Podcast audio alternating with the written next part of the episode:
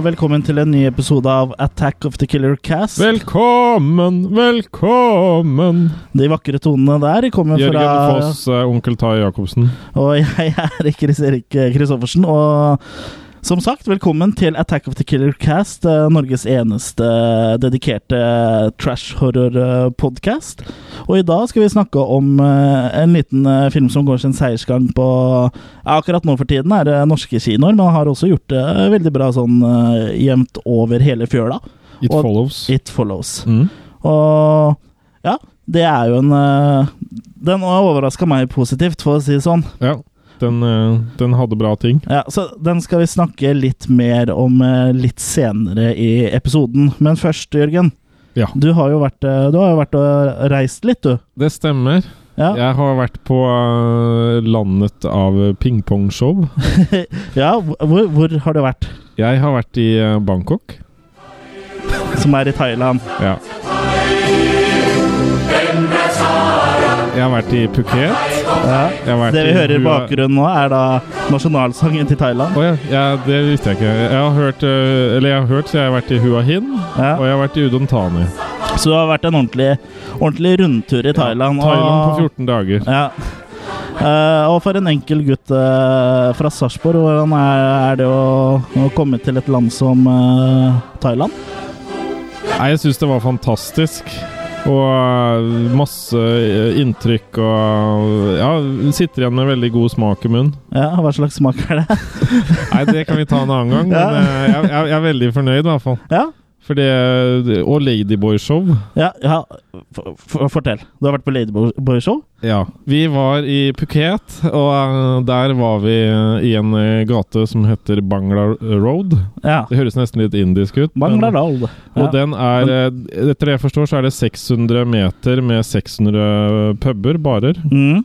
Og det, det er ganske stint med Ja. sidegater. Er eh, ja, for det er i sidegatene, disse barene, eller er det sånn én ganger én meter? Ja, ja, eh, nei, det er- det er det er eh, sitteplass til? Ja, Okay. og, og ja. sidegate heter Soy, bare for å ta det. Ok, eh, Soy. Det Ja. er da det samme som en alley, eller ja, en sidegate. Mm. Ja.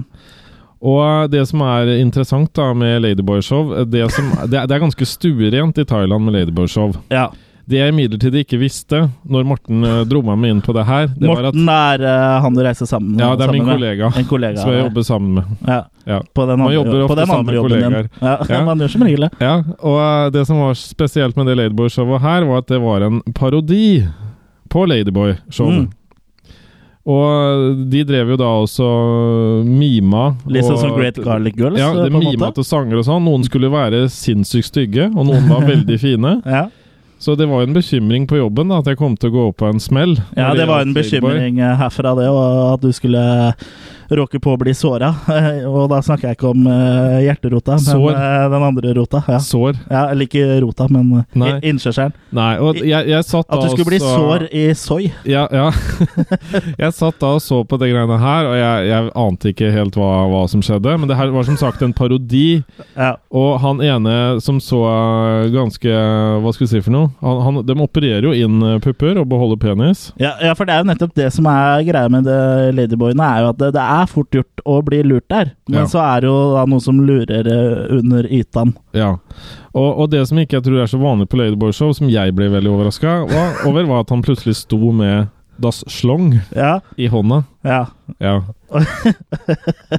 det det bekymra meg litt. ja. Og du, du eh, oppnådde blikkontakt også, gjorde du ikke det? Mens han hadde Ja, han så på meg. Ja. Ja.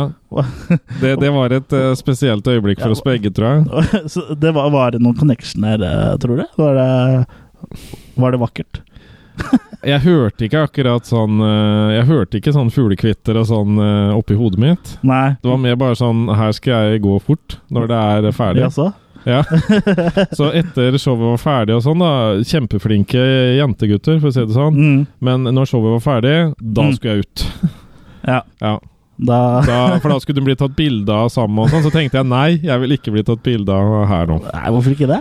Nei. Eh, så smilende ved siden av slangen hans, hadde ikke det, hadde ikke det vært hyggelig? Jo, men jeg velger å skylde på at hun ville ta betalt. Ja, Ja, ikke sant? jeg hadde betalt for showet. Ja, ikke sant? Det var ikke noe annet som stressa meg med å komme vekk derfra. Nei, apropos show, eh, så har det jo kommet meg for å gjøre at du var på, et litt annet show også. Ja. Du trodde at eh, du hadde satt deg ned for å se på en bordtennisturnering? ja. Fordi, for dere som har sett den eh, kjente filmen Forrest Gump? Nei, den derre Når du har baksmell. Ja. Ja. Hva heter På det? skatten? Nei, på, på, på engelsk. engelsk. hangover? Ja, Hangover-filmen. Ja. Den ene Hangover-filmen. Ja, Det er vel tre totalt. Den ene av den foregår jo i Thailand. stemmer. Så i, i Bangkok har de jo egne hangover-turer. Å ja. Hvor du drar da fra pub til pub. Eh, som var- da har vært med i, i filmen, på en måte? Ja. Ja. Nå var ikke jeg da med på den. Jeg var Nei. med på en sånn egen tur ja. med, med Morten. Og, på på ping, pingpongshow. ja, og da var det for det første Da var det en sånn innkaster der. Ja. Og, og han så jo ikke akkurat uh, ærlig ut, for å si det sånn. Hvis Nei. du har sett uh, den eh, gamle Clint, Eastwood-filmer, så kunne du, pe du kunne eh, peke han veldig tydelig ut som en slem. Ja, som en sånn slem. Hvis han hadde vært i en cowboyfilm, så hadde han hatt eh, litt sånn lang, svart uh, skinnfrakk og svart hatt. Ja, og Og svarte støvler med sånn Ja. ja. så han garanterte at det her kom bare til å koste prisen av to øl, og at vi da fikk ti minutter gratis på pingpongshow. Ja. Ja, Det var dealen. Det var, den, det var dealen. Så vi du, du og Morten gikk jo da inn eh, der og satte dere ned. Og ba, bare fortell litt uh, uh, Hva er et uh, pingpongshow i Thailand? Hva skjer? Hva gjøres med pingpong? det, det er jo en slags akrobatikk ved hjelp av kvinners eh, edlere deler, hvis det er lov å si. kvinnemuskel. Ja, Det- Så de har jo da hvor, hvor, jeg, jeg, jeg tror ikke den vanlige helsesentra tilbyr den type trening. Nei, Men eh, det, det går jo da ut på å skyte ut pingpongball med av, ut av vagin. Ja. Ja. Og, og, og det, det som overraska meg litt, det var når vi satt, eh, satt der og sånn, så fikk plutselig Morten en sånn eh, pingpongball i skuldra ganske hardt. Ja. For, eh, for det er jo drevne damer, dette her. De Ja. har jo skutt pingpongballer eh, sikkert eh, mer enn én gang før. Så Ja. det er jo sikkert veldig bra trening for, eh, for vagin, da. Ja, så Ja, jeg vet ikke. Det, det, det sprer eh, seg kanskje mer til Norge etter hvert. Men fikk Morten eh, skuldra ut av ledd? Var det, var det såpass? Ja, vi måtte, Ja. vi måtte på legevakta. Mm. Men eh, det, var ikke så lett å komme seg bort fra, fra det showet igjen. Nei, vi, vi var jo ikke på Jeg tror når du er på den der hangover-turen, så er det litt mindre lyssky virksomhet. Her, her var det skikkelig eh, Kaptein Sortebil. Ja, du, hvis, hvis vi kan bruke et uttrykk som vi, som vi kjenner til, altså var det på en måte en brun, eh, veldig brun eh, pingpongbule. Ja, Ja. Og, og her var det bondefangeri. Ja, Klassisk bondefangeri. Så alle, alle de jentene som kom bort til oss med en gang vi satte oss der, og begynte å skulle massere armen min og sånn. Jeg, Ja. syns ikke armen min trengte noe massasje, men det er en Nei. annen sak. Det var andre Så- ting som så eh, satt de, kunne trengt uh... Så satt de i hvert fall fra seg sånne såkalte lady drinks. Ja, Og dem skulle vi da tilsynelatende betale for, men vi valgte å ignorere det. ikke Vi skulle bare betale for to øl. Så Som det- lovet av sånn- eh, cowboyen. Ja, så når vi reiser, øh, reiser oss opp, Mm. så kommer jo da bordellmamma, og Mm. alle blir bare litt sånn der anstrengt i Ja. blikket, for da sto det fem sånne lady drinks, og da skulle vi da betale 1500 baht. Eh, totalt. Ja, og 100 watt er øh, 25 kroner, hvis jeg ikke husker feil, så Ja. vi snakker ikke om en kjempesum, men Nei, vi, vi snakker men, om Men i utgangspunktet så skulle vi vel betale 200 watt, eller, eller noe sånt. nå, I hvert fall eh, ganske Ja, mye ja. mindre. Mm, ja, omtrent 100 per øl, ja. Eh, og da blir de uh, sinna, og Morten er nødt til å heve stemmen. ja. Altså ikke sånn at han har stemt på noe, så hever han stemmen. Nei, nei. Men han, han blir sinna, Ja. og vi får Han da vil, lov til å gå bonde, han vil ikke bli bondefanga. Nei, vi får da lov til å gå i fred. Så Ja. vi ender opp med å betale for to øl og ti minutter. Hva, var, det en, var det en opplevelse du vil Vil du Kommer du til å dra på flere pingpongshow hvis eh, muligheten eh, skulle Da, åpenbare seg for deg igjen. da må det bli på hangover-tur, altså. Jeg har Ja. ikke lyst til å dra på en sånn der eh, uorganisert eh, pingpongshow en gang til. Ja, Da må det være godkjent og organisert. Ikke sant? Eh, Ja. Med hvor HMS er i orden og sånn. Ja. Og, og ikke minst PMS er jo også sikkert ganske lurt når det er sånn Eller, eller PMS, er, jeg tenker kanskje det er etter PMS. Ja, for jeg tenker nå- det her kunne fort eskalert og blitt uh, farlig, tenker jeg. Hvis de hadde vært Ja, det klart voldsomme. Men litt hvordan så disse pingpongskytende kvinnene ut? For jeg selv Jeg har jo ikke vært i Thailand, men eh, jeg har vært eh, i f.eks. Berlin. Da, så er det veldig mye strippeklubber. ja, Og, er og, og, de, og de som ikke er helt eh, stuerene der, der er det liksom sånn at du kan risikere å støte på en sånn bestemor i nettingstrømper. Ja, riktig.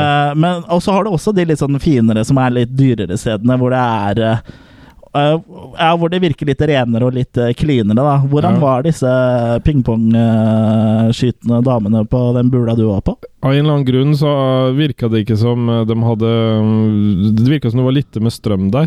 For okay. det var veldig mørkt der inne. Det, var kanskje en grunn til det? Nei, jeg vet det? ikke. Det var, veldig, det var generelt veldig mørkt. Ja, Så når vi kom opp Men du fikk ikke noe inntrykk av hva, hva, hvordan de så ut? jo, jo, eh? noen av dem så ålreite ut, og andre var veldig svære. Og ikke Ja. noe sånn helt Det var liksom noe for enhver smak. Mm. Det jeg liksom lurer litt på, da, er, er det meningen at man skal bli seksuelt opphissa av at uh, damer skyter pingpongballer eh, på skuldra di, eller er det, er det bare moro? For, for meg så ble det mer forundring, altså. Ja, ja, for det eh, Du må jo være ganske sprø hvis du skal liksom få noe nytelse eller noe bli opphissa av det her, da. Ja, men det jeg hørte om eh, Det ble jo snakka mye om det her i forkant, I for å forberede forberede seg litt på det. Og en av de tingene jeg også har hørt, er at noen som dytter da en levende fugl inn der nede, og at Ja. den på en måte da kommer ut. At den blir airborne. Litt, en liten trylle, tryllekunst, Ja. rett og slett. Ja, Så det er mange varianter her, da. Det er ikke bare Det er ikke bare pingpongballer. Det som jeg- puttes inn, kan eh, puttes inn. Ja, og som jeg nevnte for deg tidligere, at det her er jo ikke, det er, det er ikke helt stuerent i Nei. Thailand. Nei, Og um, det, det kan komme ikke så stuerent som Ladyboy-shows er, for det, det er legitime saker. ja, i hvert fall ikke det jeg var Det, det Ladyboy-showet jeg var på, var vel ikke legitimt for familie. Men uh, vanlig Ladyboy-show er det. Ja. For Ladyboys er jevnt over veldig populære i Thailand, Ja. og brukes bl.a. til servicenæringa ellers, og er på hotell og restauranter, og, og veldig hjelpsomme og Det er ikke uvanlig å dra på et Ladyboy-show når man f.eks. har julebord uh, i sin thailandske uh, servicebedrift. Nei, men det kan du liksom ha med hele familien på, inntrykk av. Mm, bortsett fra den eh, du var på, da. Det, Ja, det er ikke hele familien har ikke godt av å se en smilende Ladyboy med slongen i neva. Nei, det var litt uh, Han hadde litt å slå i bordet med, for å si det sånn. Ja, du ble, du ble imponert? Mer sånn paff. Ok. Ja. Ja ja, men uh... Og ene gangen mens jeg satt og så der òg, så kom det bort ei dame bare og så drev og så, så på meg, eller et eller annet sånt, men jeg, jeg satt der litt sånn der Jeg prøvde å være så reservert som mulig. ja, jeg føler, jeg tenker kanskje det er ikke det stedet du vil eh, eh, ha mest oppmerksomhet. Du, du vil ikke opp på scenen i et Ladyboy-show, tror jeg. Nei. Eller kanskje heller det enn hvis du måtte opp på scenen i pingpongshowet. Neste gang så er jeg nok litt mer såkalt varm i trøya. Jeg var det nå òg, for det var veldig varmt der nede. Men jeg er det- enda det mer varm i trøya neste gang. Ja, og det blir jo ikke mindre varmt uh, når pingpongballene flyr som uh, kuler rundt hodet ditt. Nei, Nei men jeg, jeg anbefaler de som er nysgjerrig på det her, gå inn og les litt om det og sånn, for det fins mange variasjoner som ikke vi får tatt med oss her nå. Ikke sant? Så, så gå inn gjerne og, og le, les det opp litt. Ja. Ja. Det er et godt tips. Mm. Og vi kommer også med noen andre tips, for eh, i anledning at du har vært i Thailand, så skal vi anbefale et par, eh, tre thailandske skrekkfilmer. Eh, For Thailand eh, produserer jo også en del eh, filmer, de også, og også skrekk. Eh, De skiller seg vel ikke ut så veldig fra, sånn, eh, fra andre eh, asiatiske skrekkfilmer i, i så måte. Det handler jo mye om uh, gjenferd som går igjen, og type Ghost Girl som uh, hjemsøker eh, folk, da. Ja, og det er, det er ganske likheter mellom filmene som kommer fra Thailand også, syns jeg. Ja, det er det også. og Det er, det er jo litt det samme Det er jo den asiatiske horrorbølgen som kom, så også de japanske og, og Ghost Girl-filmene er jo stort sett veldig like. Ja. Men uh, her kommer i alle fall uh, våre anbefalinger, og den første uh, vi vil anbefale, er Shutter fra 2004. regissert av eh, Skal vi se Banjong Pisantakon og Parkpom Wongpom. Ja. Jeg, jeg tipper det var innafor. ja, jeg skal sjekke etterpå uh, om det var uh, riktig. Men vi, vi, vi får late sånn. Ja, og den filmen da, der handler om et par, eh, en eh, jente og en eh, gutt, som da har s- stikker av etter at de har kjørt på en eh, kvinne. Ja. Og kort tid etter det her så begynner da en mystisk kvinneskikkelse å vise seg på, på bildene da, som Ja. han mannen tar, for han jobber som fotograf. Mm. Og man skjønner jo hvor det her går hen, ikke sant? Eh, Tilsynelatende blir jo da eh, dette paret hjemsøkt av kvinnen de har kjørt på. Og jeg, jeg syns Shutter var, eh, var ganske interessant. Altså, den var ganske creepy og, og ja, underholdende, men eh, som jeg nevnte litt tidligere, så er det en sånn uh, Har du sett The Grudge og The Ring og sånn, så er det jo, er det jo mye Det er jo mye av det samme. Men den her på, den påroper seg vel også å være true story, gjør den ikke det? Uh, Eller i hvert fall veldig mange sånne thai-filmer gjør det. Ja, Jeg husker ikke om det gjelder den jeg her. tror ikke akkurat den, men det er jo sånn typisk sånn eh, vandrehistorie, som jeg Ja. også har sett liksom sånn fake YouTube-videoer og sånn òg, at, at man kjører på en uh, kvinne som går eh, i hvitt, da, og så, og så går de ut for å se, og så plutselig er hun borte, og så bare eh, kjører de videre, så plutselig så sitter bilen sammen med de, og så er, går kameraet i svart, og så har man aldri hørt fra det igjen. Og det er jo sånn Det er en urban legend, liksom. Og jeg tror ikke akkurat den her er basert så, i så måte på på noe spesifikt uh, som er sant, da, men uh, det er jo på en måte tatt utgangspunkt i de vandrehistoriene. Ja. Og det går jo veldig mye vandrehistorier uh, om sånt, både i Thailand og Asia ellers. De er veldig opptatt av ja, La oss kalle det spøkelser. Ja. Ja. Gjenferd. Det, det merka jeg når jeg var der òg. At, Mm. at de liksom lurte på om hotellet var hjemsøkt som vi skulle på Ja. Ja. Så det er jo en veldig overtro når, når det gjelder det, da. Ja.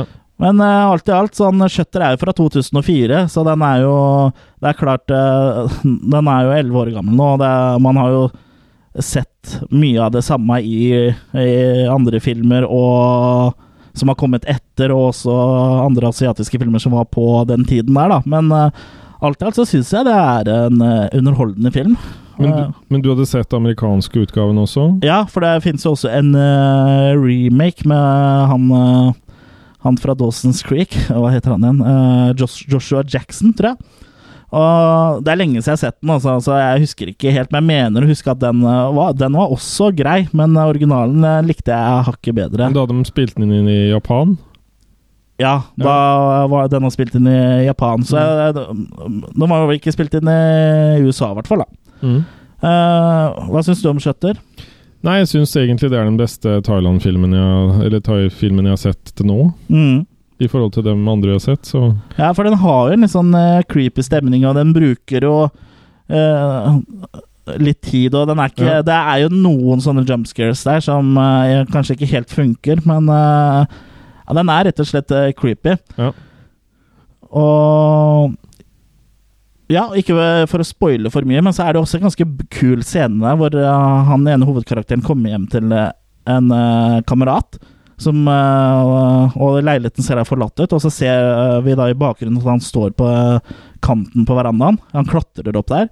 Og da ser hovedkarakteren vår snur seg og ser Ja. det. ja. Og så hopper han, og så løper han etter, og så kameraet følger etter, og så går det over kanten, og så ser du at han ligger mange mange etasjer ned, knust på et biltak der, og det er Ja. veldig imponerende eh, gjort, for det her er, gjøres da i ett take. Mm. Så da har jo han antageligvis blitt dratt inn på uh, På verandaen på undersida, ikke sant? Og så Ja. har det ligget en kar uh, klar nede på, ned på bilen under. Mm. Men det syns jeg var litt imponerende, Ja. for det, det er jo med på å selge filmen Ja.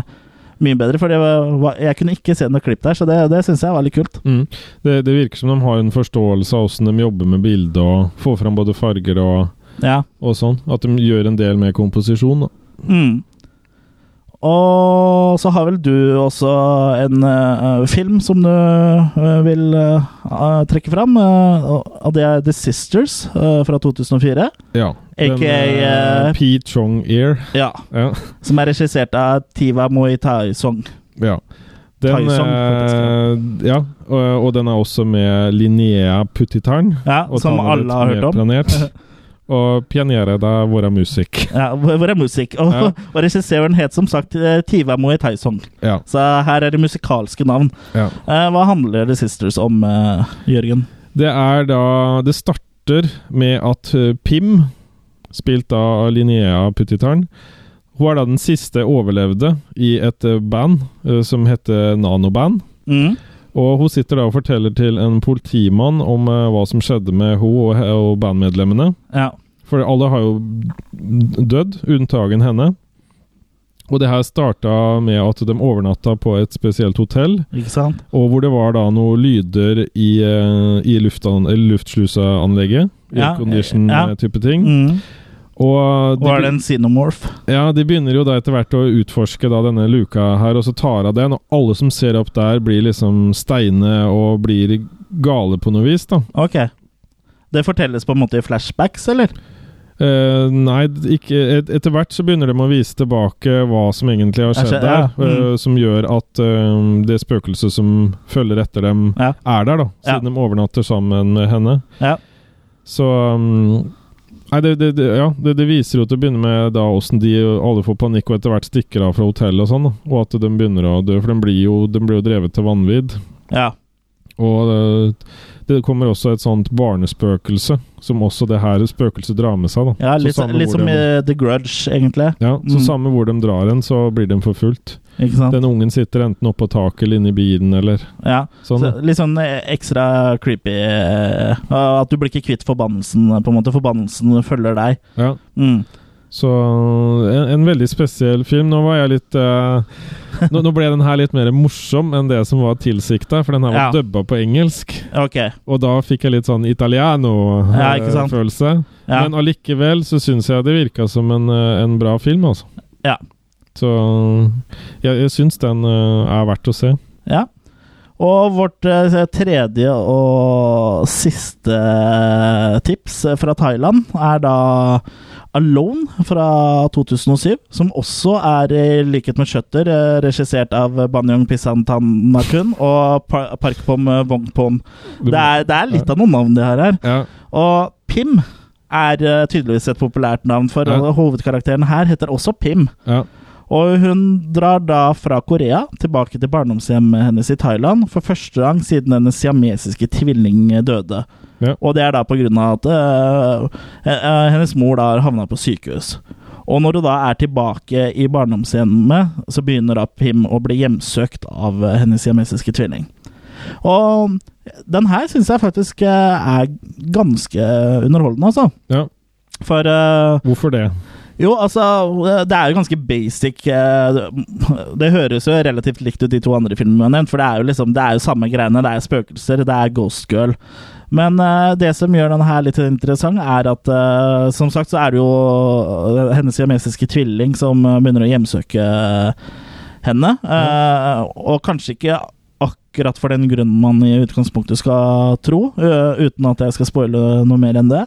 Og det som eh, skiller den her litt fra andre, er at uh, ut gjennom filmen så er det flashbacks, da. Mm. Hvor, så, hvor man ser tilbake på hvordan Pim og hennes søster da, Ploy Ja. hadde det i oppveksten når de var satt sammen, når de satt sammen da, så, som De- siamesiske tvillinger. Deploy. Ja. Ja. ja. og, og da får de liksom litt sånn uh, forståelse av hva slags forhold de hadde, Ja. og at de liksom var Ja, de var De forsto jo hverandre, ikke sant? Mm. Og eh, det begynte jo å skjære seg uh, når det da kom en gutt inn i bildet som uh, forelsket seg i den ene, ikke sant? Og da opp, oppstår jo sjalusi og sånn. Så det er, det, det er det som gjør den filmen her verdt å se, er det at den bruker flashbacks til å bygge opp Bygge opp de karakterene. da. Så Litt, asias, litt, litt asiatisk henlotter, altså. Ja, ja, det er jo ikke Har jo ikke den siamesiske tvillingen i en kurv. Nei, De er liksom vokst sammen i magen. ok. Og man tenker jo liksom første gang man ser eh, de siamesiske tvillingene, så bare Hvorfor sitter de sammen? For det er liksom en sånn derre Ser ut som sånn derre lateksremse som går fra magen til den ene til magen til den andre. Du kunne bare ha tatt en hagesaks, og så hadde det vært, eh, hadde, hadde det vært skilt. Ja, men, Men, de, eh, de deler vel antageligvis uh, felles kjønnsdrift. Ja. Og da kan du ikke kappe. Antagelig det deler de felles kjønnsdrift, så jeg Ja. sier det er det som stoppa det. Ja. Men uh, en veldig interessant uh, film, altså. Det anbefales eh, absolutt å sjekke ut. Ja. Og da er det jo også fins jo også flere uh, thai-horrorfilmer, eh, men vi har ikke fått sett eh, Vi har ikke fått gått gjennom alt, og mange av de er litt vanskelig å få tak i også. Ja, det, Men, det, det var eh, jo blant annet den ene The Screen eh, som ble, har blitt filma i nærheten av det siste området jeg var i Thailand. Ja. I Udon Thani, i nærheten der. Ja, Så den fikk vi jo ikke sett. Men eh, Nei. Eh, men hvis du tråler litt på Amazon og eh, kanskje litt asiatiske nettbutikker, så skal det være mulig å få tak i eh, det meste også. Og hvis du har noen tips eh, til noen thailandske horrorfilmer vi skal bør sjekke ut, så må du gjerne tipse oss om det på Facebook. Også. Ja. Shutter, eh, som vi, eh, var den første vi snakka om, den er faktisk å finne på Netflix. Netflix. Ja, norske Netflix. Mm, så den er i hvert fall eh, lettest tilgjengelig Ja. av de vi har snakka om. Ja. Men remaken er vel også Det er vel Remaken er ikke på Netflix, men den er mulig å få tak i sikkert billig på DVD. Ja. Men jeg anbefaler deg å se originalen også. Ja. Den er hakket bedre. Mm. Og så er det jo Ja, originalen pleier som regel, med noen unntak, å være best, uh, synes jeg. Og jeg syns egentlig at asiatere mestrer eh, Mestrer akkurat den go school-sjangeren eh, Mm. litt bedre enn amerikanerne. da De Ja. Amerikanerne bare kopierer og legger på masse jump scares. Ja. Selvfølgelig med visse unntak, da. Mm. Men eh, Jørgen, mens eh, du var i Thailand, så var jo jeg her i Norge. Uh, det ble jo litt ensomt uten Det gikk bra med deg? Ja, det de gikk bra. Ja. Det ble litt ensomt, bare. Så jeg, jeg måtte jo rett og slett ta og ringe en venn. Ok. Så jeg tok, uh, tok fram telefonen min og ringte George Hardy, kjent fra Troll 2 og dokumentaren Best Worst uh, Movie. Uh, Hyggelig. for å høre hvordan det gikk med han. Ja. Så kanskje vi bare skal ta og høre på det? Ja. Uh, Mr. George Hardy, uh, thank you so much for taking uh, time to have a little chat with us. Uh, first of all, h- how are you doing? I'm good. I, I didn't realize uh, Troll 2 was uh, popular in Norway. That's amazing. uh, Troll 2 is popular all, all over the world. Uh, in really fact, uh, we talked about Troll 2 in our very first episode of our podcast, and uh, and we love the movie. uh, it's, but, it's really a world favorite. yeah, uh, you are best known for the movie Troll 2 and uh, the more recent documentary Best Worst uh, Movie. How uh, has uh, have uh, these uh, two movies changed your life? Uh, well, it's just just like this. It's quite unusual that a, a super bad movie could be uh, uh, attracting a phone call all the way from uh, Norway, and really, like you said, I've had everything from uh, Colombia, Colombia, uh, South America to oh Italy, France, uh, uh, China, uh, everywhere. You like you said. So I would say that's been the most uh, uh, mind-blowing thing is the fact that the people all over the world have absolutely loved this little train wreck that uh, that happened. It's like Michael Stevenson, who played my son in Troll 2, said, uh, "How can you ever capture lightning in a bottle twice? There's no way you could really make another Troll 2." No, uh, you're quite right. Uh, but uh, what do you think of uh, the movie Troll 2 yourself? Do you enjoy watching it? Well, you know, for many years I didn't watch it because it was such a bad film. You know, most all all of us in the cast had little idea. We had no idea what what, what was really happening, and uh, we all ran from the film for for what 17, 18 years until finally we saw people just embracing it, and there was this huge underground uh, scene. Uh, really, uh, again in places like New York and London and uh, even Moscow. I mean, people were watching, uh, you know, the film uh, through whatever way they could on video back in the uh, 90s, and the popularity grew and grew and grew, and it just became a hipster kind of cult uh, uh, thing that attracted has attracted all age groups now, and uh, so. yeah, it's it's it's just been a fun ride watching it all evolve. Yeah, like like you said, uh, the movie didn't uh, attract a big crowd uh, when it was uh, first released in uh, 1990, but uh, uh, after internet got big and YouTube, and uh, especially the documentary Best Worst Movie, the uh, the whole thing really exploded. It really did. And uh, what happened was, I really, you know, I, I don't know what the listening audience would know, uh, and hopefully can understand my English as well because I'm from the southern part of the United States. But I practice dentistry in in the uh, central eastern part of the state of Alabama. So, uh, you know, after I made Troll Two, uh, I was actually practicing dentist, and which you'll find out in the documentary Best Worst Movie. But uh, you know, uh, I pretty much left the the the, the acting scene and. I just did it on a whim, which is because, again, if you really want to find the details of the history of really what happened to me and the rest of the cast members, and how we just kind of stumbled upon being in a uh, little film like this that uh, you know went big. Um, it, it's just it's just kind of funny that that uh, I ran from it, and finally in 2009, I got a phone call from someone like you Mm-hmm. uh, wanting to do a radio documentary, and uh, from but from uh, the, the United States, uh, fellow from Furman University in South Carolina, and he he told me about it. I said, he said, yeah, don't you know about the phenomenon of uh, Troll Two? And I said, oh, you know, I I don't I don't have any idea what you're talking about, and and uh, so.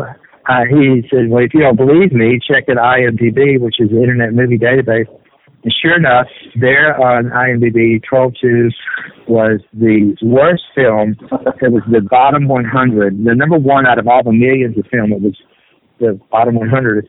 Little did I know, too, Rotten Tomatoes had given it a double zero, which is, I think, the only film in the history of of all cinema to get double zero. so I I connected uh, with uh, the Upright Citizens Brigade Theater and uh, heard that they had uh, Troll 2 at that same time back then, that it was the worst film ever. And uh, they had given it, it had won the It Sucked Award, and Claudio had won the best director for the, for the, you know, being, uh, being able to put together uh, an unusual film to entice so many people. But the bottom line is, uh, I re-met my uh, uh, my son in, in Troll 2 who stayed in the industry, and we decided to make a, a, a documentary called Best Worst Movie. And through an organic effort, both of us, through friends and family, were able to actually uh, put together a uh, three-year. Um, oh wow! It was a three-year trip. Uh, 28 countries, uh, 28 cities in eight countries of making a documentary is you know, award-winning doc called Best Worst Movie, which tells the story of, of it all. It must be. Uh, it must have been an amazing experience. Absolutely, yes, it is. And it still is. I mean, every time I do an interview or sign an autograph or get recognized for being in the film, it Mm. still feels surreal. It will always feel that way for me, even though though now we're 25, 26 years out, 25 years since since the film's made. Mm. I don't think it'll ever hit home to me that that uh, you know this is all it's really happened. You know. we at Attack of the Killer Cast uh, are huge fans of uh, the director Claudio Fragasso. Uh, oh sure. uh, yeah, uh, it doesn't seem to me that he's aware of the cheesiness of the movies uh, he makes, but of course, uh, in the documentary, it uh, looks like he's taking uh, this movie very seriously. well, things have changed even since the documentary was made in 2008, 9, 10. Uh, you know, they're doing that time place in parentheses. But um, yeah, Claudio and Rostella both have actually embraced Troll 2 as well as all of us. And uh, they are, are both, uh, you know, always going to be on their creative level and always thinking, so who knows what can happen. There could be possibly Troll 2 Part 2. You never know, huh? Yeah, yeah. Uh, at the end of the documentary, uh, uh, the the it was real. Uh, yeah, uh, we got to know that uh, Troll Two Part Two is uh, actually in uh, in the process of uh, being made. Uh, do you know anything more there? it's been a We'll couple leave, of years. we'll leave that as a, we'll actually leave that as a secret for right now, huh? yeah, uh, I, actually, I actually spoke earlier uh, earlier today with uh, Claudio Fragasso on Facebook, and he said that the script is uh, yeah, yeah uh, the script is about uh, half uh, half uh, way through, so uh, they're taking their uh, time. I'm, I'm surprised he shared the news. yeah, Yeah, they kind of wanted to keep it. Yeah, you never know though. Yeah. But uh, do you think Troll 2 Part 2 would uh, be uh, uh, as big as a deal as uh, Troll 2 is now? Well, actually, you're you're kind of an honored guest today, talking to me on the phone about this all the way from across the world because it really hasn't been much. There hasn't been much discussion, but many questions asked and many many uh, uh, wishes to have a, a, a sequel. But I'll have to tell you, uh, knowing Claudio Marcella, and especially Marcella, Marcella's talents of putting it together, I think it can be done. Michael Stevenson, who played my son, says, you know, again, how could you capture lightning and put it in the bottle twice? I mean, there's no way you can repeat it. But I think she's pretty doggone creative. And actually, I, I feel both Claudia and Marcella very creative people, and and uh, I would love to see it happen. It would be a, an awful lot of fun. Yes, you can say many things about uh, Claudia and uh, Rosella, but they're definitely creative people. Uh, how was it working with uh, Claudio Fragasso on set? Well, back then, 25 years ago, actually, Claudia and Rosella needed one. eh, Well, Claudia especially. I mean, Rosella still doesn't speak very much English. She understands, and Claudio speaks very good English now. Mm. But uh, 25 years ago, uh, uh, he he it was it was it was tough tough communicating. it really was. but uh, so it was uh, an you know an indifferent feeling to work with somebody that it'd be almost like me coming to Norway, filming there, and but not you know uh, being able to really capture the true essence of what was going on because of the uh, language barrier. Mm. But now it's different. Now it's much different, and we have a different understanding now. So filming again. It might be a little easier, but that was really truly what made it for the listening audience that doesn't know what truly made Pro Two so fantastic is the fact that here we are, all these non-actors being directed by people that couldn't speak English. Yeah. So you can only imagine. You can only imagine that. Yeah, I totally totally agree. I don't think the movie would be as uh, as camp and funny uh, without uh, Claudio's uh, misconception of what is American culture because it's way it's way way off. Mhm. but uh, after, Troll 2, you, you you made a decision uh, to stick with working as a dentist and uh, and not pursuing the actor dream. Uh, have you ever had the second uh, thoughts about that?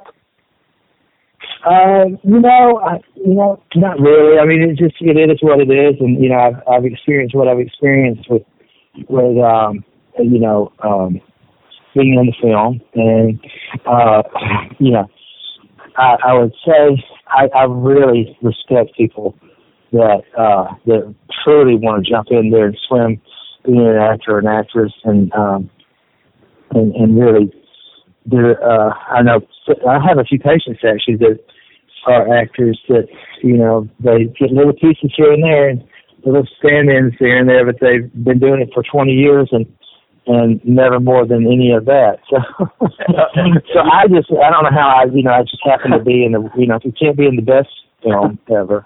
You can Wanna be, be in the the worst. worst. Yeah. We can't talk about Troll 2 without uh, mentioning uh, the classic line, you can't piss on hospitality. Uh, Uh, no. how was it uh, playing that scene? Oh, you know, I didn't know what I, what the heck I was doing back then. You know, I didn't even, I had no idea. Uh, we, when we were making Troll 2, didn't know what the script was. Uh, I mean, we didn't know the storyline. It was very difficult to follow. We just, we never really, I couldn't understand the script. It was so discombobulated and, and, and, honestly, it took me up to 20 years to really see and feel what was going on with the film and put it all together and how, how you know, Rosella was able to do it the way she was. and it's quite amusing and it delivers from scene to scene, doesn't it? And it, it really never lets go. I think the more I watch it, the more, the more amused I am by it. You know, that's why there's so many people that are so, such diehard fans. In fact, I'm missing. Uh, believe it or not, in two weeks I'm I'm not able to do it. But that, I had a couple getting married in New York. Okay. Kind of avant. Yeah, they're getting married in New York City at a at a museum, and a, kind of an avant-garde, um, kind of surreal motion picture museum showing old archives of films on the wall, and they want me to marry. They want me to stand in and marry them. but Oh, I can't do it. But what a so. that would have been amazing, though, being married by by your. I would have loved to have done it. I would have loved to have done it, but I can't. I can't go. Yeah. But in the in the in the later years, you actually have uh, played in uh, uh, some small parts in a, a couple of movies. Uh, so, uh, yeah, yeah, yeah. Uh-huh. so was it good to get back in the saddle, so to say? I'd love to. I mean, you know, I mean, I- I'm.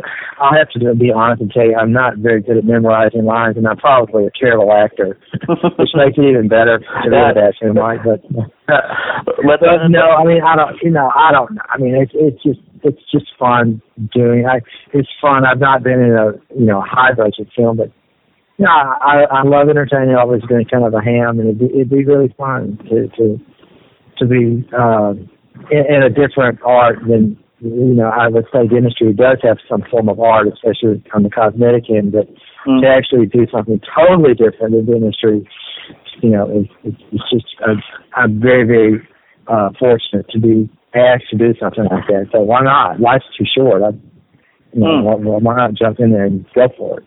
Yeah. Uh, so, are there any new upcoming film projects uh, for George Harley in uh, in the years to come, uh, except for Troll Two Part Two? Yeah, actually, there is. There's a rock opera out of New York that Ah. is a possi- uh-huh, uh, that there's possibility that I uh, might be filming with them, and then there's also a film in Germany that I'm looking at called Goblin Two.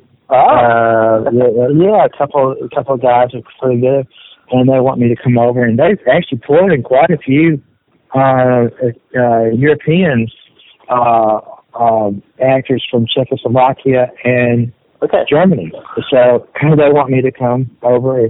So we really haven't got it all laid down yet, but yeah, know, th- those are two fun things that may happen. Uh, So, uh, yeah, it's just it's just a challenge to leave my practice, my dental practice, to to go do these things. But you know, but Hmm. you know, I, I, I've been doing doing dentistry. I've been a practicing dentist for 33 years. So you know, why not try something? You know, gosh, life's way too short. You know, to not yeah, I, I, I see. opportunities. You know. I see. I see what you mean. Norway actually I have a very big uh, kind of underground uh, trash horror movie industry with uh, very very low budget uh, films. So maybe you can come and uh, play in a Norwegian uh, underground film uh, someday. Yeah, great. I'd love to come to Norway. Norway.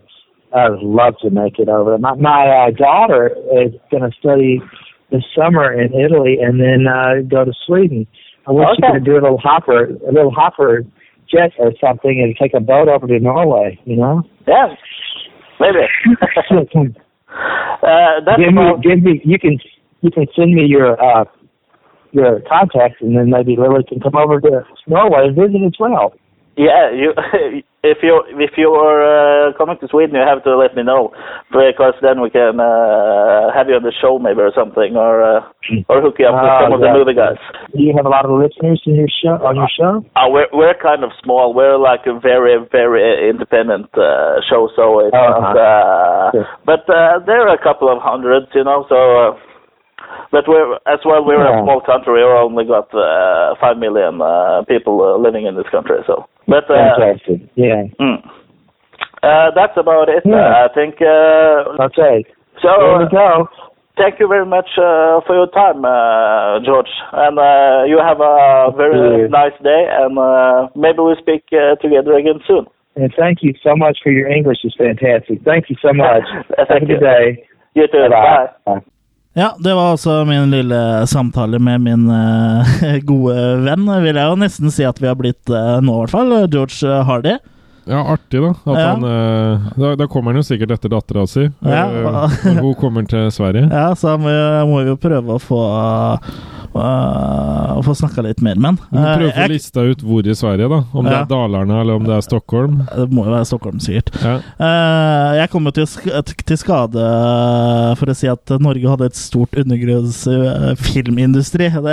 Filmmiljø, var vel jeg skulle si, men Ja. jeg, jeg fikk jo sagt very low budgets. ja, men du fikk jo i hvert fall gjort den interessert, da. Jeg fikk gjort den interessert, så det, det hadde vært gøy å sette, sette George Hardy i en norsk film. Ja. Kanskje han kunne vært med med litt eh, høyere budsjett Det, det jeg ser for meg, er jo selvfølgelig en film med Max gutta Manus bak uh, O hellige jul. Ja, Der der, hadde- der, bør George uh, George Hardy, min venn, eh, Ja. være med. Det hadde vært moro. Men det var veldig morsomt å få, å få snakka med han da, in, in person. Og, og så er vi jo faktisk alene om å kunne fortelle at uh, manuset til Troll 2 Part 2 er halvveis. Uh, for det røpa jo da Claudio på Facebook til meg tidligere samme dag. Men Det eh, er vel ikke mange som har såkalt Fragasso-nyhetene som en egen spalte. Nei, vi, det er jo andre gang vi Ja. har eksklusive Fragasso-nyheter. Vi har brutt stillheten. Ja, for første gang var jo da at, vi, at han kunne fortelle at det ikke var han som var inni den Predator-aktige roboten i Robowar. Ja. Så Attack of the Killer Cast er ditt sted for breaking eh, Claudio Ja. Fragasso news. Newsballs. actor dogs! you wanna buy a pod Ja. racer? Ja, du får ikke høre det her noen andre steder. Andre. Nei, det, det gjør det ikke. Nei. Så ja, eh, kanskje ikke verdens største nyhet at manuset er halvveis etter eh, fem-seks år, Men men, det det var- er en nyhet. Jo, men tror du han mente at det var halvveis? At det var liksom ikke helt fornøyd? ja, eh, nei, eh, Nei. Det, han mente eh, Det å snakke med Claude Ferriosa på Facebook òg er en, et eventyr i seg selv, for han okay. svarer tilbake på norsk med, sånn via Google Translate. Ja. Og, og litt engelsk innimellom. Uh, for jeg prøver å skrive det. Jeg skriver tilbake til han på engelsk, Ja. så jeg håper jo liksom at han svarer på engelsk. Men Han han bruker litt gul Tror ikke at du skjønner engelsk. Nei, og jeg er vel antageligvis hakket bedre engelsk enn uh, han, for når han Ja. svarer på engelsk, så er det ikke så lett å tyde det jeg eh, skriver da heller. Men eh, jeg har i hvert fall forstått det sånn at manuset er halvveis igjennom first draft, da. Så det Ja. Tror du vi får se Troll 2 part 2 noen gang, egentlig? Jeg vet ikke, men jeg tror Og tror du det er noe å hige etter? Jeg tror kanskje en del av bearbeidelsen av manuset er kanskje at uh, Fragasso spiser det og Ja. fordøyer det. Ja, ikke Og så begynner han å skrive videre på det. Men, men tror du det er noe å hige etter? Nå som eh, ifølge Josh eh, så er jo Claudio og Rosella klar over eh, hvordan den har blitt mottatt, og liksom hva som gjør at Troll 2 er morsomt. da Ja, Så hvis de lager den eh, morsomme vilje, så jeg, jeg har ikke helt troa. Nei. Og det, det, jeg- det jeg kanskje håper på da, er at de prøver enda hardere, og at det blir bare enda enda, men det er det de antakeligvis ikke kommer til å gjøre, for de har han- jeg tror han har forstått ironien Ja. siden de opptakene vi så med eh, i dokumentaren, som for Ja. øvrig er uh, hilarious. Uh, Ja. må, hvis ikke du har sett Best Worst Movie, så må du sjekke ut den. Mm. Altså, han er Han krasjer jo blant annet en sånn Q&A med skuespillerne, og står blant publikum og roper 'Actor Dogs!' og sånn. Det er jo helt fantastisk. Ja. Men uh, fra George Hardy så skal vi til uh, Ja, kan jeg kalle det uh, denne episodens hovedsak? Ja. Vi skal snakke om selve follows. rosinen i pølsa. It Ja. follows. ja.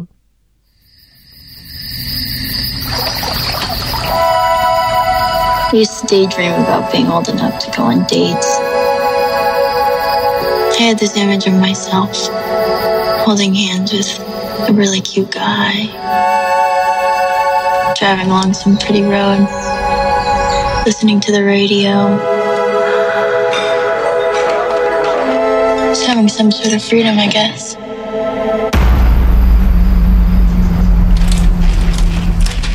Help! Do you see that right there? I'm doing this to help you. Just so you know it's real. Somebody gave it to me. And I passed it to you. You can look like anyone. But there's only one of it.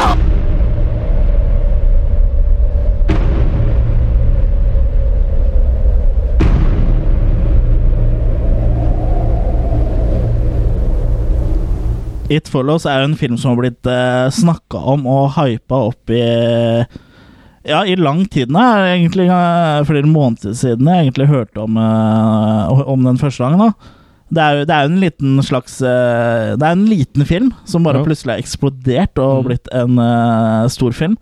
Uh, for uh, Først så var det meningen at den skulle vises på et par kinoer i, i USA. Liksom Ja. sånn en hel helg eller noe sånt nå, før det ble sluppet på sånn video on demand, da, Og så og videre. Men så.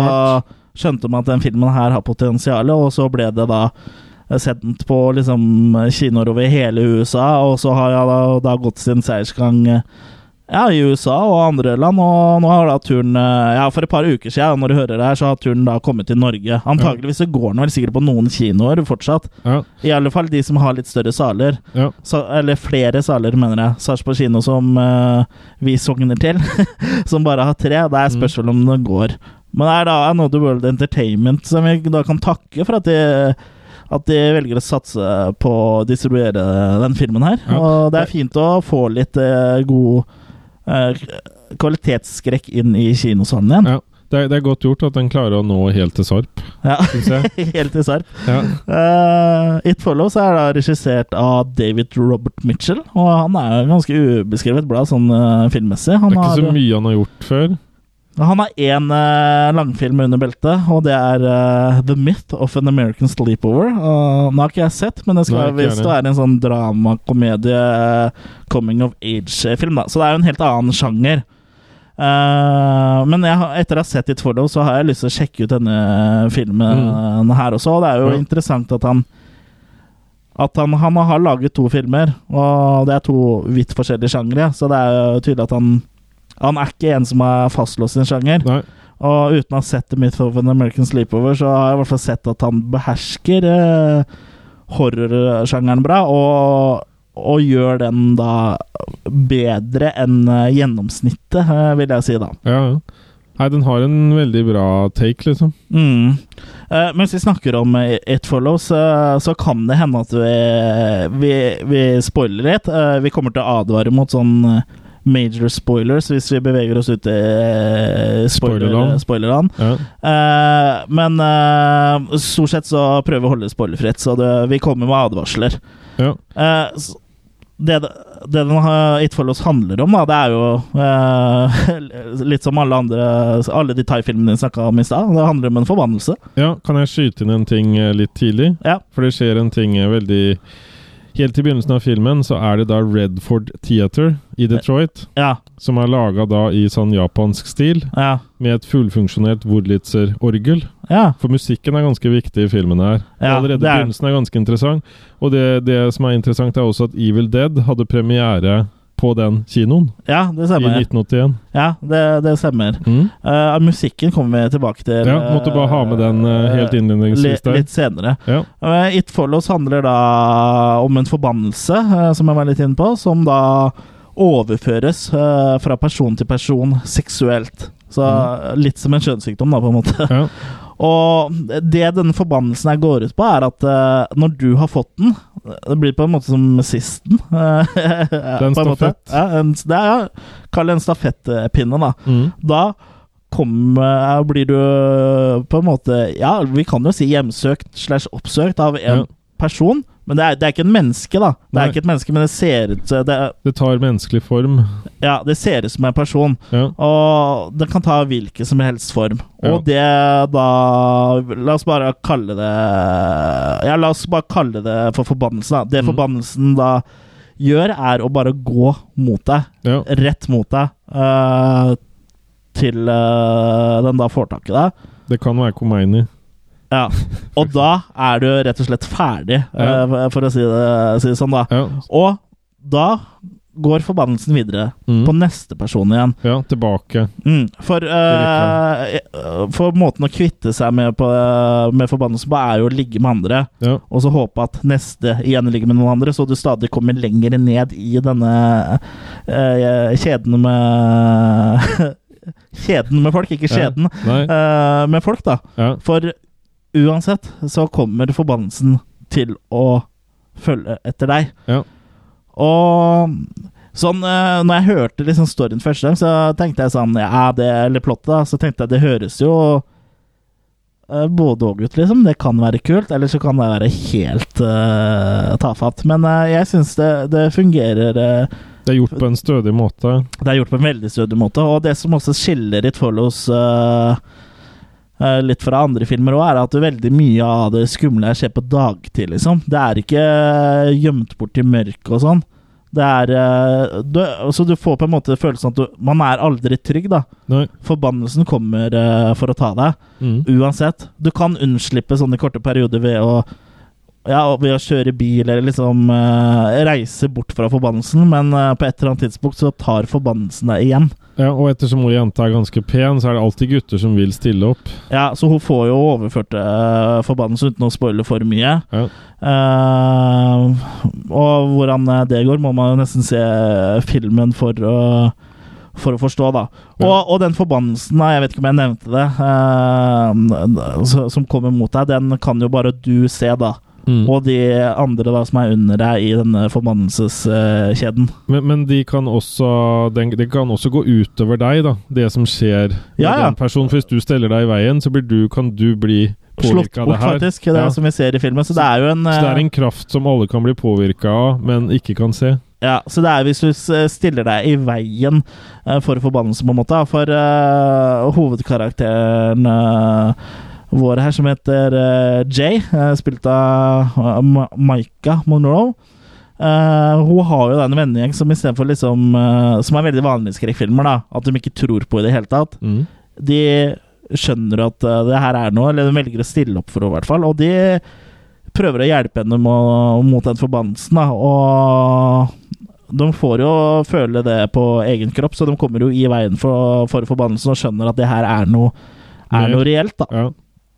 Så Nei, det, jeg, jeg liker et forlås eh, veldig godt. Altså. Jeg var veldig redd for at hun skulle være opphypa, og at hun skulle bare liksom falle uh, Falle sammen, da, sånn uh, halvveis ut i filmen, som veldig mange lovende skrekkfilmer gjør, som Men- har en god oppbygging. Men hvorfor bør folk komme seg på kino og se den, og ikke bare se den på Blu-ray? Hva, hva syns du liksom er en av hovedgrunnene til at de bør se den på kino?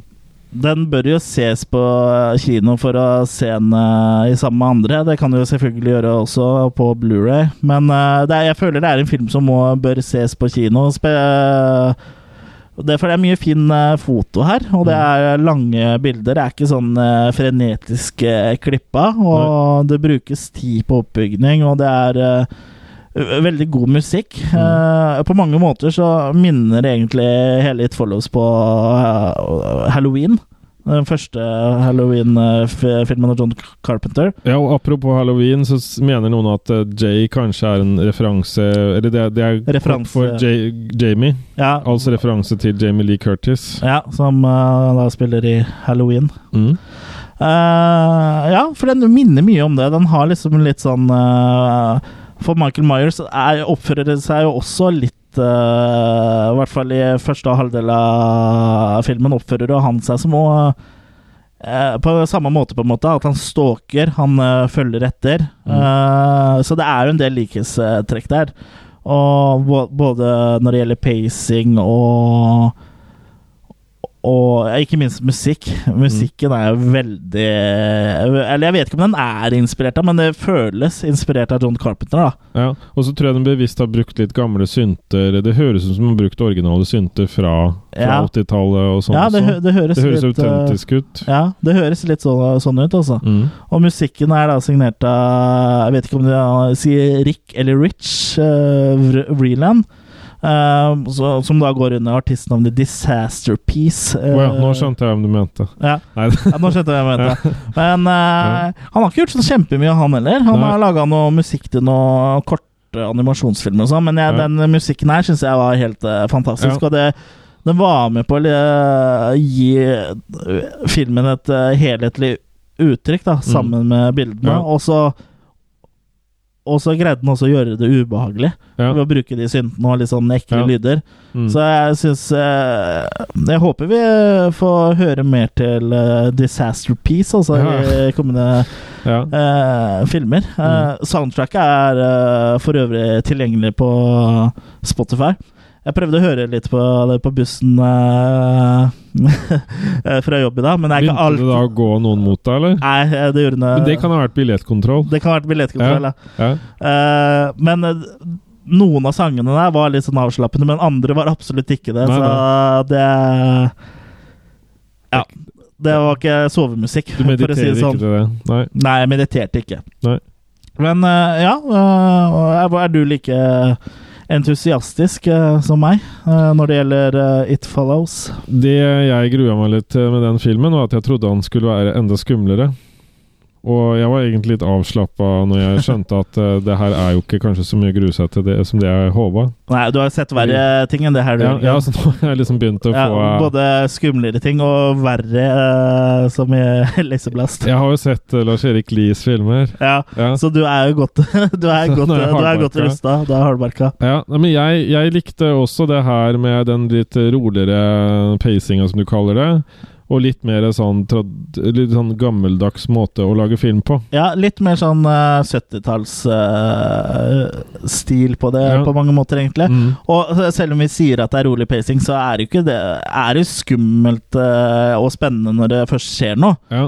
Uh, det, det er det jo, så det er ikke så, sånn at den er treg hele tida, men den bruker god tid på å bygge opp karakterer. eh, På å fortelle ting, og jeg syns også det eh, casten, eh, og spesielt da Maika, eh, gjør det, gjør det veldig bra. Det blir veldig, eh, blir veldig troverdig. Mm. Og så ble det ubehagelig, som du sier, både med musikken og Ja, når det først blir ubehagelig, så blir det veldig ubehagelig. Ja. Og det, et grep de også hadde gjort en del her, som jeg så, var jo for eksempel eh, Ja, nå kommer Nå kommer det en ganske stor spoiler, så skip fram noen minutter eh, hvis du ikke vil at filmen skal bli spoila. Skal vi til bassenget?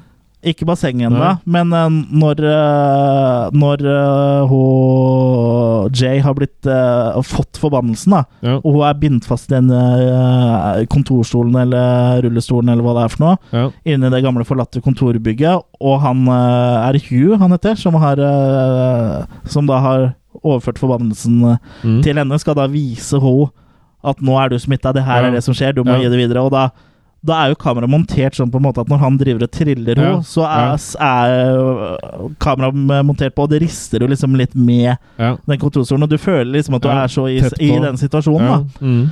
Så, og det har de gjort flere ganger, f.eks. når de kjører bil. Øh, enda en spoiler. Det er jo et sted hvor hun, hun Jay bare prøver å stikke av. Hun bare stikker av fra alle andre for å komme seg unna forbannelsen. Og Ja. da er også kameraet montert sånn så du liksom bare ser eh, ut av bakvinduet, da. Mm. Eh, det, jeg syns det er veldig, veldig mye sånn bra løst sånn på fotomessig, og Ja. som likevel er ganske enkelt. Ja, og så at det ikke alltid er sånn du forventer. Noen ganger så er det jo bare sånn chill nede ved stranda og sånn, men så likevel så kommer det Det kommer Ja. mot deg. Du vet du vet med deg sjøl at det her kan ikke vare, liksom. Men likevel at de klarer å Og få så inn det. legger du også merke til eh, litt ut i filmen også at hele tiden i bakgrunnen så ser du alltid en som kommer mot mot hovedkarakterene, Altså, Ja. vet du aldri Du blir sittende og se på folk i bakgrunnen. Er det eh, noen som skal komme og ta òg? Så det Ja. er jo litt spennende. Ja, Og, og noen ganger så er det det, og andre ganger er det bare noen som går bak der. Og det, det syns jeg De har greid på en måte å lage noe eget som gjør ja, en så enkel ting som at noen kommer gående mot deg, ja. uh, til en skummel og Ja. creepy ting, da. Jeg, si, jeg sier bare Ser dere hun dama som går der? Ja. Ja. Ja, og da, og da liksom puster man bare letta ut, liksom. Men liksom Nei, jeg ser, jeg ser ikke henne, jeg. Og ser, ser, ser du han eh, nakne gamle mannen på taket? Men, men, men Chris, du hadde jo kødda Ja. og sagt at ikke du så noen, bare for å stresse den personen. ja, antagelig. Ja, Men uh, han mannen på taket, Jørgen ja, eh, For dem, eh, når de prøver Det er på et tidspunkt i filmen eh, hvor de da stikker av fra ja, der hvor de bor, og i nabolaget, og for å dra til eh, Ja, dra til havet, rett og slett. Ja. eh, Til stranda. Og da står jo forbannelsen da og oppå ja, taket. ja, men da blir det komisk når Ja. han står der. Ja, jeg må nesten si at det var høydepunktet i filmen. For da, da, når de da kjører av gårde, Ja, så ser du da at det står en sånn eh, ja, litt eldre, Ja. ikke i god form, altså. Ja. En eh, veldig flott bygd mann, men han Ja. står da oppå taket, naken, med slongen ute. Ja. Og det er ikke noe Ladyboy-show det her, for her, det her er en skikkelig rugged man, altså. Eh, Nei, men det, det, det er det er morsomt men, at filmen kan tulle litt med seg sjøl, hvis det er lov å si. Ja, tukle tu- litt med seg selv. Ja. Men uh, det syns jeg Det synes jeg var gøy, og det må jo ha vært uh, Tilsikta. tilsikta, altså. Men Ja. eh, de fleste lo jo da, i Ja. eh, den proppfulle kinosalen vi var i. Ja. Det var vel ikke Det er som regel ikke så mange folk eh, på kino i Sarpsborg. Dessverre. Folk må skjerpe seg. Nei, men det tror jeg går på at uh, sarpingene ikke leser uh, tabellen ordentlig når Ja. filmene går. Så de tror Ikke ikke, at det er en film de er interessert i, som går da. Nei, ikke sant? Ja. For jeg, jeg ble jo med deg. De gangene vi har vært på kino, så har du fortalt meg at det er den filmen. Ja. Så nå- stoler jeg på deg. Ja, nå skal vi se den her, og så blir du med. Ellers så tror jeg det også er det at de trykker ikke kinoprogrammet lenger i, i, i Sarpsborg Arbeiderblad. Jeg Nei. prøvde å lese og se når han gikk, det sto ingen steder. Nei, så var det, det- jeg måtte bare tro på deg at Ja. den gikk da. Ja, for du, du har jo ikke internett. Nei. Eh, Du har hørt om det, Ja. men uh, du vet ikke hva det er. Nei. Du vet at podkasten vår eh, ligger der, men du vet egentlig ikke hva en podkast er heller. Nei. Eh, Hva, vi gjør nå, det vet du heller ikke helt. Nei. Men det viktige er at vi sitter her og prater. Og Ja, så jeg stoler på deg når Og- vi går på kino, at da er det for å se Ja. noe som skjer på det der eh, eh, foran oss. Ja, og vi har ikke bukser på oss. Nå, altså. Eller Ja. når vi er på kino. Vi har bare Skittles. Bare Skittles. Men uh, Chris ble veldig ivrig når, når han nakne mannen på taket var. Ja, det var vel ikke akkurat da, da- men Da eh, revna posen Da revna posten min. Det er overraskende. Er, man blir litt overraska over hvor mange Skittles. Det kan være en sånn Ja. bitte liten Skittles-pose. Altså, for uh, jeg hadde jo åpna den og tatt meg noen Skittles. Jeg vil si det gikk for Skittles-posen din. Ja, Ja. For det er jo ikke noe sted å sette fra seg ting i en sånn kinosal. og jeg hadde jo popkorn og litt sånn baconsnacks og litt sånn ting jeg sjonglerte på, så jeg hadde bare lagt den Skittles-posen sånn på mitt eh, breie, gode lår. Ja. Der er det som regel nok plass. Men så begynte den Skittles-posen da å skli litt. Og når jeg da grep tak i den, så var det allerede for seint, for da hang den med åpninga ned. ja. Og skittelsen da spratt jo da nedover eh, radene. Vi satt vel eh, ja, nest bakerst, tror jeg. Ja. Og jeg tror flesteparten av de skittelsene havna ved første rad også. Ja. Så vær så god til dere som satt der eh, Ja. for gratis eh, Skittles. Chris er veldig opptatt av å holde i gang arbeidsstokken på Sarpsborg kino. Så hver gang vi er der, så sørger han for at det er litt jobb der, sånn så alle Ja, jeg er litt klønete av meg, rett og slett. Så jeg, det er vel sjeldent at jeg er på kino uten å søle et eller annet. Det hørtes litt feil ut. Ja, Da er jeg på voksenkino, så okay. ja. Ja. Men uh, It Follows for, eh, å oppsummere, eh, det er vel eh, Den eh, levde opp til hypen, syns jeg. Ja. Og det er bare rett og slett å komme seg ut og se den, altså. Nå er det noen som kom, begynner å gå mot oss. Ja. Hva er det for noe? Nei, det, det er en naken gråra mann. Ja, nei, men jeg vet ikke. Det er, det er ikke noe jeg har dratt meg hjem fra, på fly, eller noe sånt. Nei, jeg vet ikke. Du, du har ikke kjøpt den på taxfree? Nei, jeg ser den, jeg òg. Ja. Men det er antakelig fordi jeg har ligget med deg. Hvem lå du med i Thailand? Ingen. Ikke noen ladyboys? Nei, Ikke noen boy ladies? bare én. Men uh, jeg tror at vi rett og slett bør bare komme, komme oss unna. Og komme Ja. oss, uh, vi, vi, vi må rett og slett komme oss bort herfra. Finne, gjør som han som er på vei mot oss nå. Uh, følg oss på Instagram. Ja, Ja. og følg oss på Facebook. Og, og send oss gjerne en Snapchat òg. Og Real Life. Og, og real life. Ja. Uh, så nå tror jeg vi bare skal komme oss av gårde før, uh, før han har kommet bort til oss. I paid you! Go away! I paid you!